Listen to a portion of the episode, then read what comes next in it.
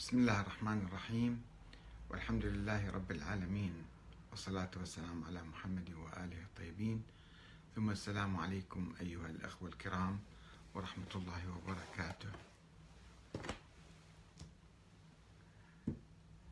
موضوعنا لهذه الليلة هو موضوع دستوري تقريبا ومحل ابتلاء في العالم العربي والإسلامي وربما في مناطق أخرى من العالم. وهو يدور حول آه، انتخاب الرئيس لفترة محددة فترة أو فترتين آه، أو لا يبقى مدى الحياة. ويبقى مدى الحياة مرة آه، رسميا يقال هذا رئيس انتخب مدى الحياة. أو لا كل أربع سنوات كل ست سنوات خمس سنوات. يجدد لهذا الرئيس بدون فترة محددة فهو عمليا يبقى هو الرئيس مدى الحياة يعني بصورة شبه ديمقراطية. آه، هناك عدة أنظمة عندنا مثلا الآن في في الصين كما آه، سمعتم ربما أنه انتخب الرئيس الصيني مدى الحياة. الرئيس الروسي لا ينتخب كل سنة كل ست سنوات ولكن صار له تقريبا أكثر من 18 سنة حوالي 20 سنة. هو نفس الرئيس إنما مرة يصبح رئيس وزراء مرة يصبح رئيس جمهورية وينتخب بلا حدود. يعني ما ما في الدستور أنه هذا لمدة مرة مرتين مثلا وفقط. آه عندنا هذا في رئاسة الجمهورية وأيضا تتكرر في رئاسة الوزراء أو المستشارية مثلا في ألمانيا. الآن المرة الرابعة ينتخب تنتخب ميراكل آه، هي باعتبارها انتخاب كل أربع سنوات تنتخب وهاي المرة الرابعة يمكن تبقى عشر مرات أيضا تنتخب كما في بريطانيا أيضا. آه، رئيس الوزراء هو الحاكم وهو يمكن يبقى بدون مدة يعني حسب كل دورة انتخابية يغير. الرئيس الأمريكي لا كل مثلا دورتين فقط بعد ما يتمكن آه، يستمر بالحكم. الرئيس الجزائري الآن وهو تقريبا شبه مقعد والمرة الرابعة الخامسة انتخب وسوف ينتخب مدى الحياة. فالكلام هو لماذا يعني وضعت هذه الدساتير المختلفة التي تحدد آه، السلطة تحدد مدة الرئاسة بفترة فترتين أو مثلا أقل أو أكثر؟ وما هو رأي الإسلام في ذلك؟ وهل أساسا الإسلام عنده رأي في الموضوع؟ ولماذا هذا التطور الديمقراطي؟ وكيف كانت التجربة الإسلامية التاريخية؟ كما تعرفون نبدأ من السؤال هذا الأخير أن هل للإسلام رأي في ذلك أم لا؟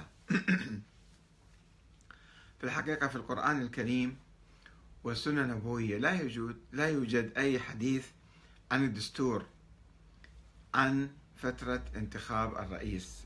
يبقى مدى الحياة يبقى عشر سنين يجدد له أو لا؟ لا يوجد في الإسلام أساسا حديث عن الدستور. إنما عن مبادئ الحكم. أن الإمام يجب أن يكون عادل أو أمرهم شورى بينهم. أو الإمام لازم مثلا يهتم بالفقراء المساكين يقضي ديون الناس مسؤوليات الحاكم. هذه موجودة في القرآن في السنة النبوية أيضا وفي القرآن المبادئ العامة. ولكن آه، نظام الحكم كيف ينتخب الحاكم ومن ينتخبه وكيف مدة الحكم مالته هذه ما موجودة لا في القرآن ولا في السنة. إنما وأساسا الحكم كما يقولون هو آه، يعني آه، ديني أم مدني؟ وهو شرعي أم عقلي؟ العقل يحكم بضرورة الحاكم وضرورة وجود حاكم. التجربة التاريخية اللي تعرفوها أنه بعد وفاة رسول الله صلى الله عليه وآله وسلم اجتمع الأنصار الأوس والخزرج في سقيفة بني ساعدة لكي ينتخبوا رئيسا عليهم بعد وفاة رسول الله. النبي راح الآن نحتاج رئيس في المدينة فهم الأنصار كانوا يستعدون لتتويج آه، آه، ابن أبي آه، عبد الله بن أبي أن يكون هو الرئيس وإجا النبي فراحت الرئاسة من عنده. وعندما توفي النبي سعد بن عبادة كان هو زعيم الخزرج يعني. يعني زعيم نعم. وزعيم الأنصار يعتبر فأرادوا أن يتوجوه أن يجعلوه رئيسا. ثم جاء المهاجرون وصار النقاش بيناتهم وثم اتفقوا على مبايعة أبي بكر وبايعوه. قصة مفصلة لا نريد أن نذكرها الآن. فانتخب أبو بكر لمدة سنتين وتوفى. بعدها تم ترشيح عمر أو تعيين عمر وأيضا بقى عشر سنوات وتوفى. ثم جاء عثمان بقى 12 سنة أيضا صارت ثورة عليه وقتلوه. ثم اجى الإمام علي أيضا بصورة يعني ما محددة بزمن محدد آه، وقتل بعد أربع خمس سنوات. لو ما مقتول يمكن كان باقي بعد عشرين سنة الله أعلم. فهذه تجربة الخلفاء الراشدين. الإمام الحسن آخرهم كان هو ست أشهر وتنازل عن الخلافة لمعاوية آه، فهذه التجربة البعض يعتبرها أيضا تجربة إسلامية باعتبار ذولا صحابة رسول الله وهم يفتهمون الإسلام أحسن من غيرهم فإذا هاي تجربة يقتدى بها وهي تجربة تؤصل. يقولون حدث الإجماع حول ذلك. هسه ما نريد نناقش موضوع الإجماع حدث إجماع أو لم يحدث. المهم البعض يعتبر هذه التجربة مصدر من مصادر التشريع القرآن والسنة وإجماع الصحابة. وبالتالي فهذا يصبح شرع يعني صار يفتوا على ضوءها. اجوا الفقهاء السنة عبر التاريخ اعتبروا هاي تجربة مقدسة وتجربة دينية وتجربة آه، تحدد معالم الخلافة. وكل اللي كتبوا حول الخلافة أو كثير من عندهم بالذات حزب التحرير والناس اللي حواليه قالوا يعني هذه التجربة نقتدي بها وهي تشكل يعني مادة شرعية. وبالتالي الخليفة لا يجوز أن نحدده بمدة معينة إلى أن يموت. أو مثلا ينحرف انحراف كبير عن الإسلام فنغيره. أما أنه هو مؤهل يبقى هو آه، يبقى خليفة يبقى حاكم مثلا.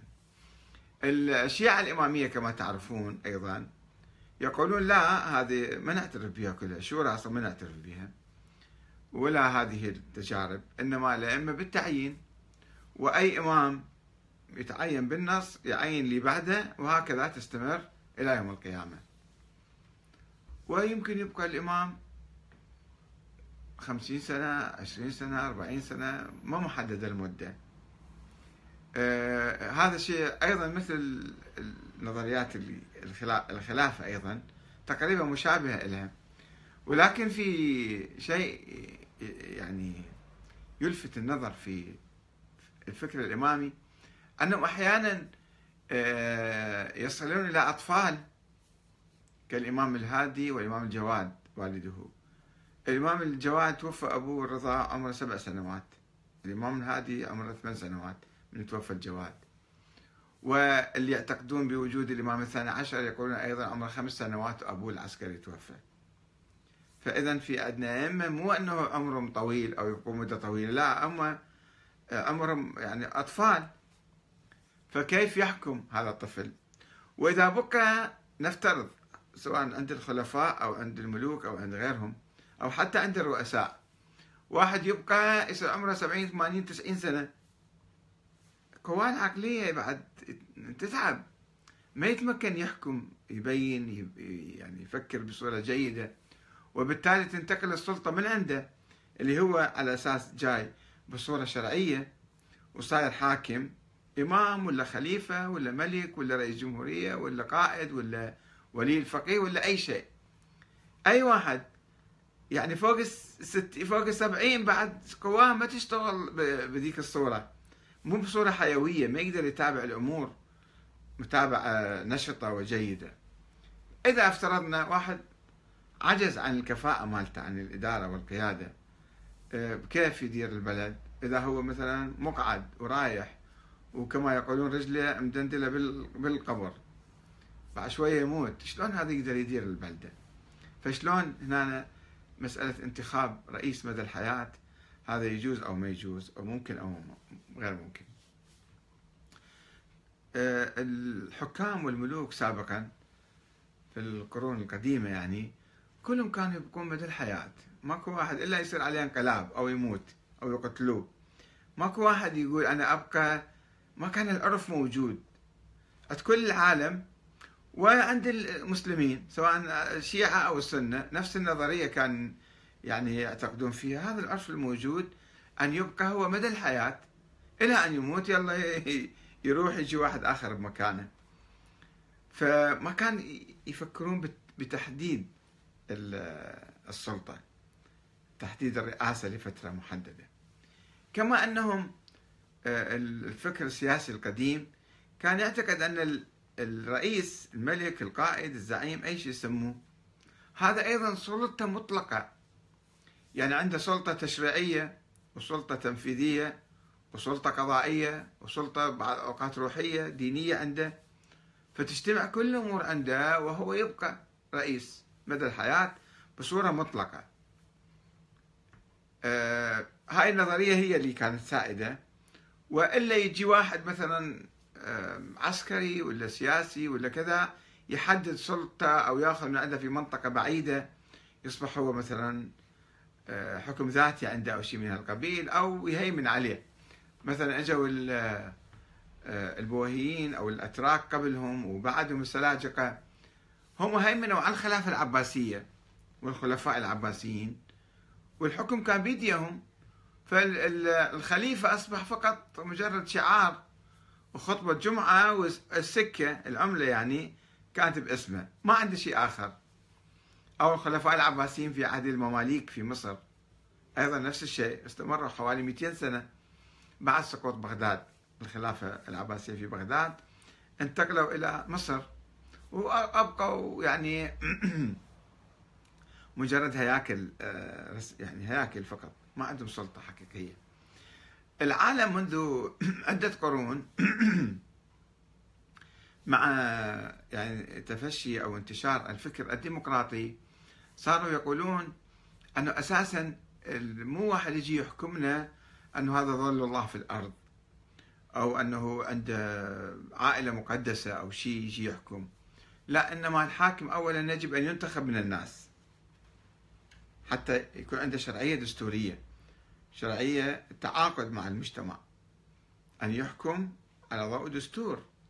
وهو يكون يعني جاي بطريق شرعي. مو يجي بطريق غير بالسلطة بالقوة وبالهذا. الفكر السني الشيعة يقولون أئمة عندنا أئمة واحد ينص على الثاني. الفكر السني كان يقول لا إما يجي بالشورى وإما يجي بالعهد وإما يجي بالقوة. يا اللي يسيطر على السلطة يصبح أمير المؤمنين. وهذا تحدثنا به عدة مرات. ومعروف شغلة ما عدا في القرن الأخير يعني شوية صارت حركة ديمقراطية في الفكر السني فبدأوا يتبعون يعني الفكر الديمقراطي. اولا الحاكم اذا في الفكر الديمقراطي يجب أن يكون منتخبا من الناس. فهذا حتى لو كان منتخب من الناس آه، راح يكون يعني السلطة هي تغر الإنسان عادة. يمتلك قوة يمتلك مال يمتلك زعامة يمتلك كذا راح يطغى. إن الإنسان اللي يطغى أن رآه استغنى. فكيف إذا صار رئيس بعد؟ أما نوع من الغنى عن الناس يعني. عفوا.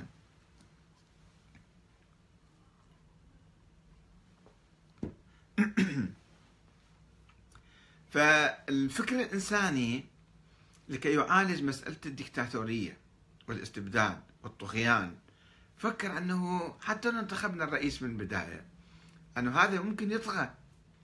عندما تتوفر عنده كل هالصلاحيات شوية شوية يقوم يجاوز القانون ويجاوز الشريعة ويطغى فقالوا إذا أفضل شيء العقل الإنساني هنا اشتغل ما عندنا شيء بالشرع.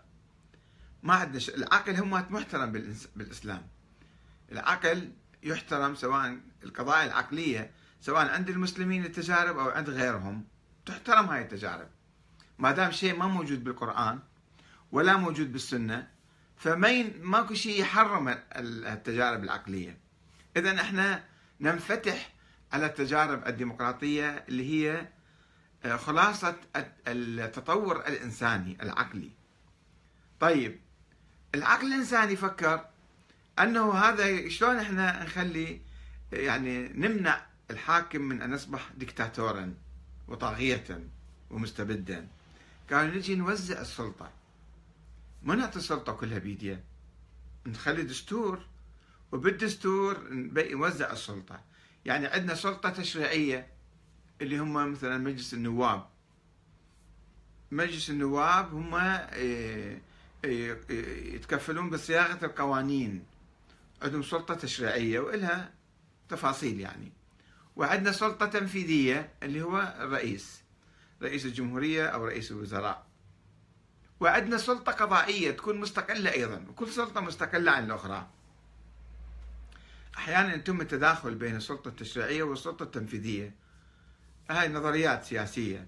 يعني مثلا الحكومة تنتخب من مجلس النواب من النواب.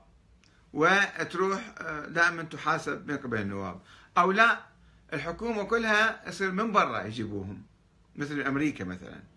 الرئيس هو يعين الوزراء ويعرضهم على الكونغرس اللي هو مجلس الشيوخ ومجلس النواب. هذا تفصيل ما يهمنا كثير. المهم أنه السلطة تقسم إلى ثلاث أقسام. سلطة تشريعية وسلطة قضائية وسلطة تنفيذية. وأيضا إذا كانت هناك سلطة روحية سابقا وحاليا قد تكون في بعض البلاد مثل الأزهر مثل هيئة كبار العلماء مثل مثلا كبار المدرسين في قوم أو المرجعية في النجف أو في هناك سلطات روحية سلطات دينية أو سلطات روحية. هذه أيضا تكون مستقلة. يعني المفروض الكنيسة مثلا في بريطانيا صحيح تابعة للملكة اسميا ولكن عندها استقلالية عن السلطة التنفيذية.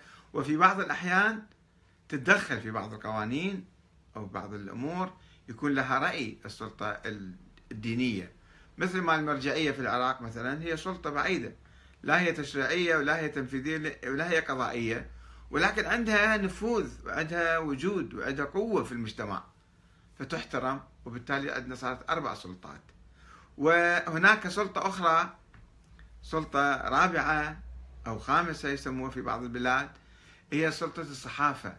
الصحافة أيضا تكون مستقلة الإعلام يعني عموما.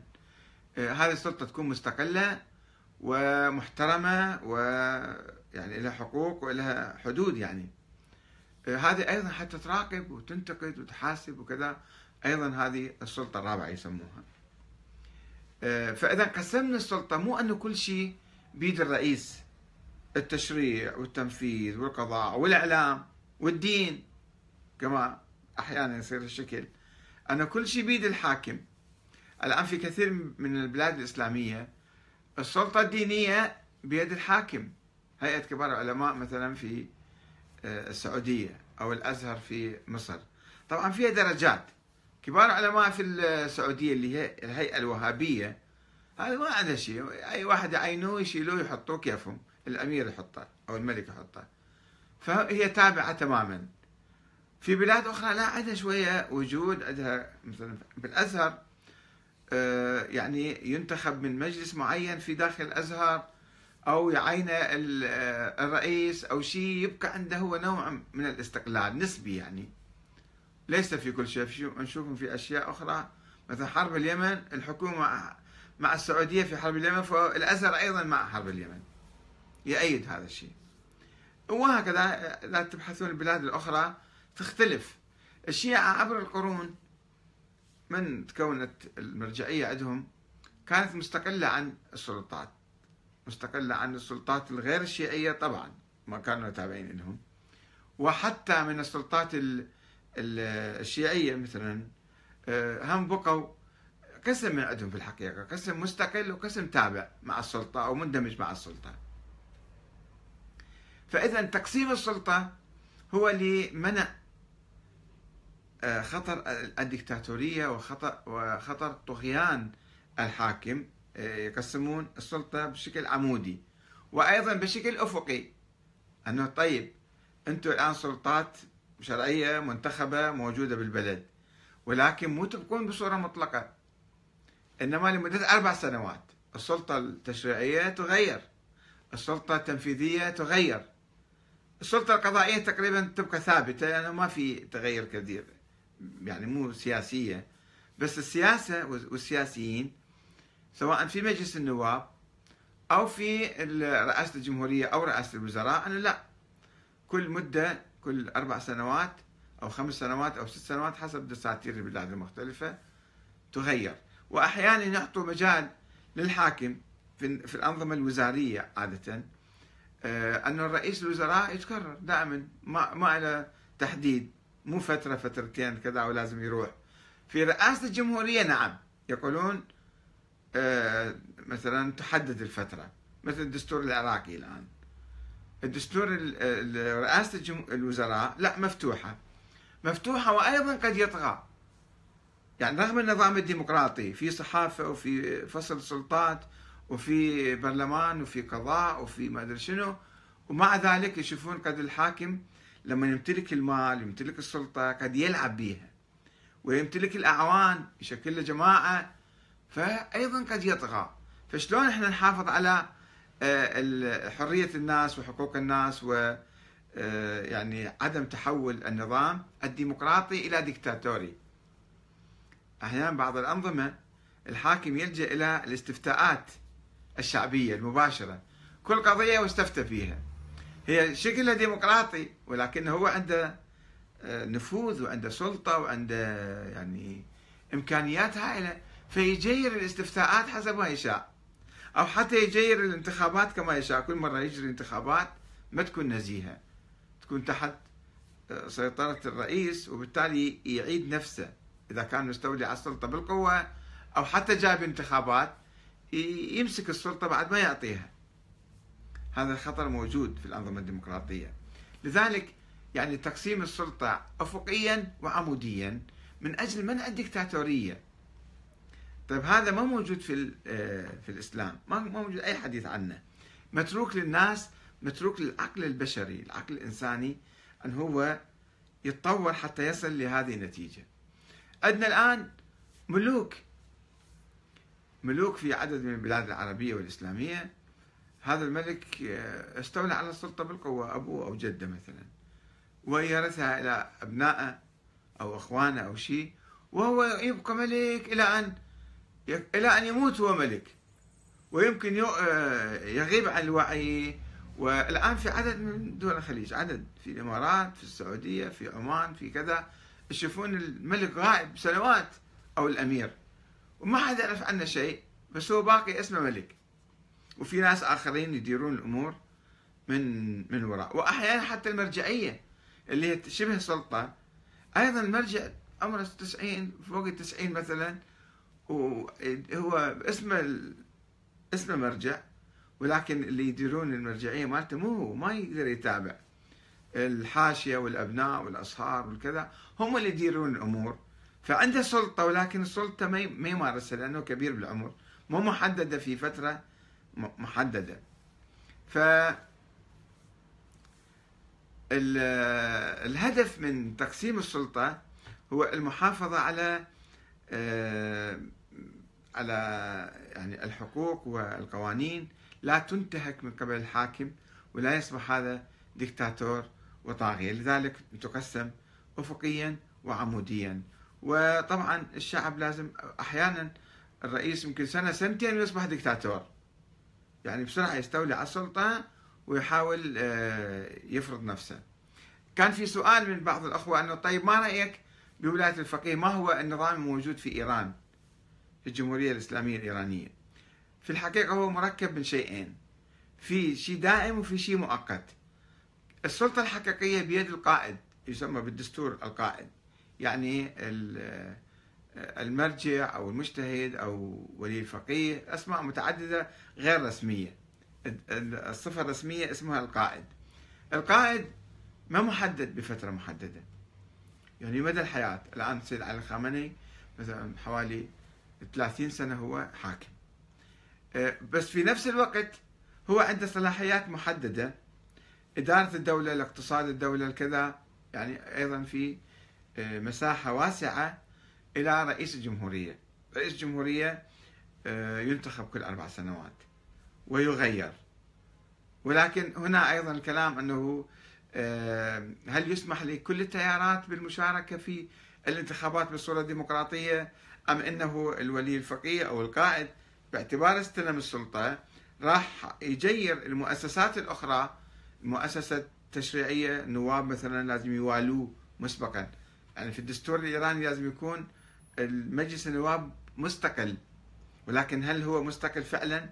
هل عنده إمكانية للاستقلال أم مسبقا ما يدخل الانتخابات ما يخرج من المصفى إلا بعد أن يعلن ولاءه كل نائب وإذا في نفس الدورة خرج عن تعاليم النائب تعاليم القائد آه، يمكن هذا يحاكم أو يسقط أو آه، أو كذا. فهنا مجلس البرلمان قد ما يكون مستقل بتلك الصورة. نأتي إلى رئيس الجمهورية. أيضا رئيس الجمهورية هل هو مستقل تماما أم هو تابع لرئيس البلاد الأعلى القائد وين يبين استقلاله وعدم استقلاله؟ أنه مثلا في أساس الانتخاب يجب أن يرضى عنه القائد ويوقع على انتخابه. إذا أجى واحد وما وافق عليه الإمام أو القائد الأعلى آه، ما يحق له يصير آه، رئيس جمهورية. منتخب من الشعب ولكن بعد الانتخاب مثل الملوك السابقين في إيران أيام الصفويين والقاجاريين لازم المراجع يوافقون عليهم يعطوهم وكالة. وكالة باعتبار المرجع أو الفقيه هو نائب الإمام المهدي فعنده شرعية دينية فيعطيها للملك. الملك كيف يحكم؟ ياخذ شرعية من الفقيه. وكان كل الملوك يجيبون فقهاء معينين يعني هم يتفاهمون معاهم ويصبحون هم تقريبا سلطة أعلى. في إيران كذلك رئيس الجمهورية الآن هو لا يمتلك السلطة العليا آه، في البلد. هو أشبه برئيس وزراء يتكرر ولكن رئيس الجمهورية الأعلى الحقيقي اللي هو القائد آه، هو باقي مدى الحياة. يمكن بعد 20 30 سنة الله أعلم. ما في تحديد لمسألة ال... ولكن هذا يختلف عن النظام الملكي. النظام الملكي يجي بالوراثة وبالقوة. ما عنده شرعية حقيقية ما عنده شرعية دستورية. ولكن القائد في إيران منتخب من الشعب الإيراني. ولو بصورة غير مباشرة يعني انتخاب عبر مجلس الخبراء يسموه. مجلس الخبراء منتخب من الشعب وشغله مو تشريع فقط شغله الخبراء القيادة يسموه. مجلس خبراء القيادة. هو الذي يقوم بعملية انتخاب القائد ومراقبته وإمكانية عزله أو تغييره. إذا أخل بوظائفه وكفاءته وكذا يجتمعون كل ستة أشهر مرة ويقررون أن هذا القائد لا يزال على قواه العقلية والإيمانية والتقوائية أو لا مثلا في عنده انحراف أو عنده مثلا عجز صاير عمره كبير جدا بعد ما يقدر يدير دولة. فينتخبون واحد آخر؟ هذا حسب الدستور الإيراني أتكلم لكم إذا فمجلس النواب هو غير مستقل تابع للمرشد القائد ورئيس الجمهورية أيضا هو تابع لأنه آه، القائد يوقع عليه وقبل التوقيع وقبل الانتخاب يجب أن يحظى بموافقة مجلس صيانة الدستور. مثلا أحمد نجاد في هذه الدورة الماضية العام الماضي راد يرشح نفسه القائد ما قبل قال له لا ترشح نفسك. حسب الدستور هو يستطيع يرشح لأنه يعني صار فاصلة بين دورتين سابقتين أخذهم. وصار فترة أربع سنوات فبإمكانه يرشح بس القائد قال له لا ترشح.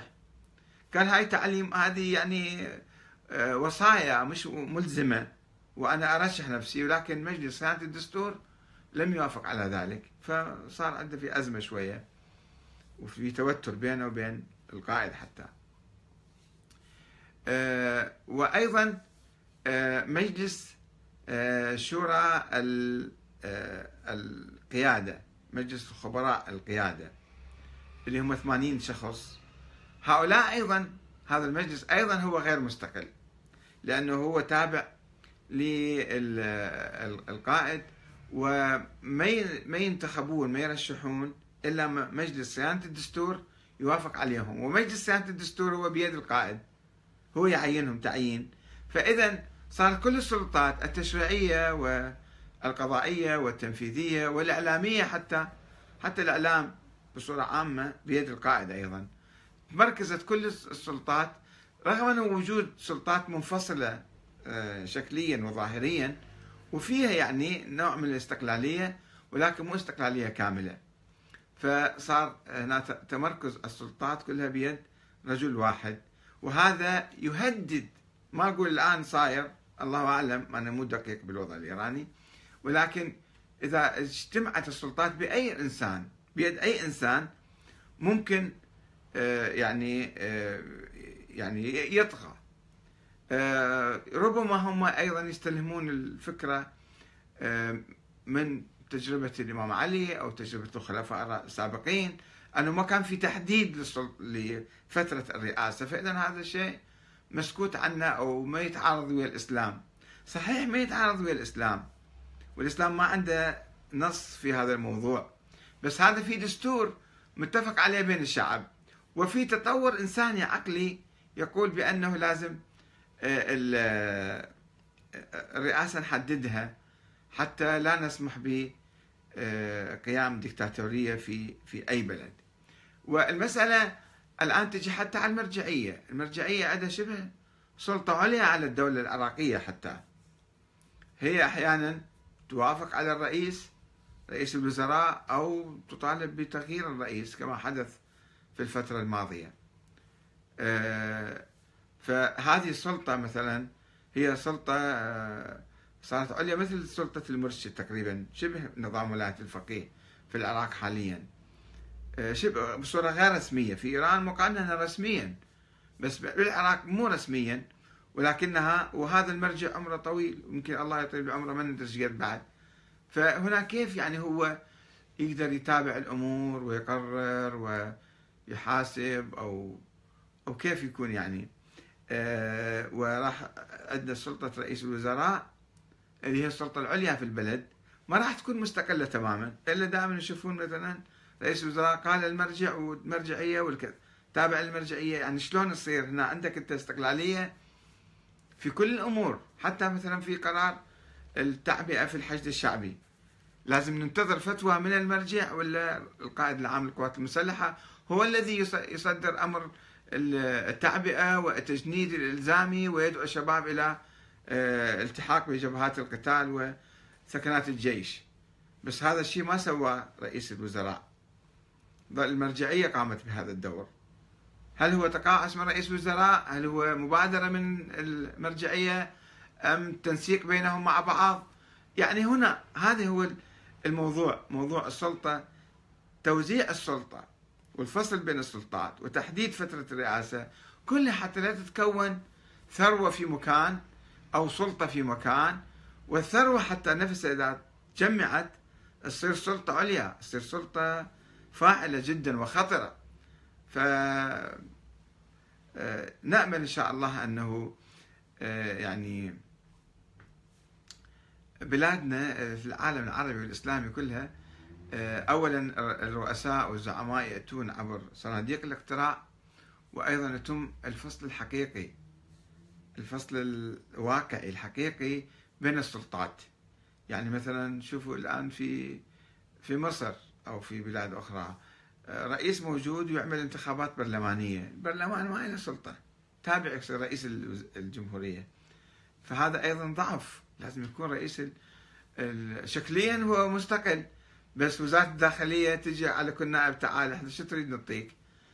نعطيك موظفين أربعة خمسة أخذ كذا أخذ وبالتالي آه، تدجن البرلمان.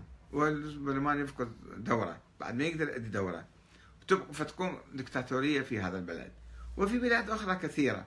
لذلك نحن يجب أن نهتم كثيرا بالفكر الديمقراطي وبالفكر الإنساني المتطور اللي هو الديمقراطية. آه، ونقيم أنظمتنا في العالم العربي والإسلامي على أساس آه، الشرعية الدستورية والانتخابات وفصل السلطات واستقلاليتها في كل مجال. حتى ننعم بالحرية والديمقراطية والعدالة لأنه في غير الحالة العدالة تروح. ما في عدالة تتكون طبقة جديدة حول الرئيس هي التي تستفيد من الدولة ومن الثروة العامة وتأكل وتنهب والشعب يبقى جوعان وفقير. والسلام عليكم ورحمة الله وبركاته.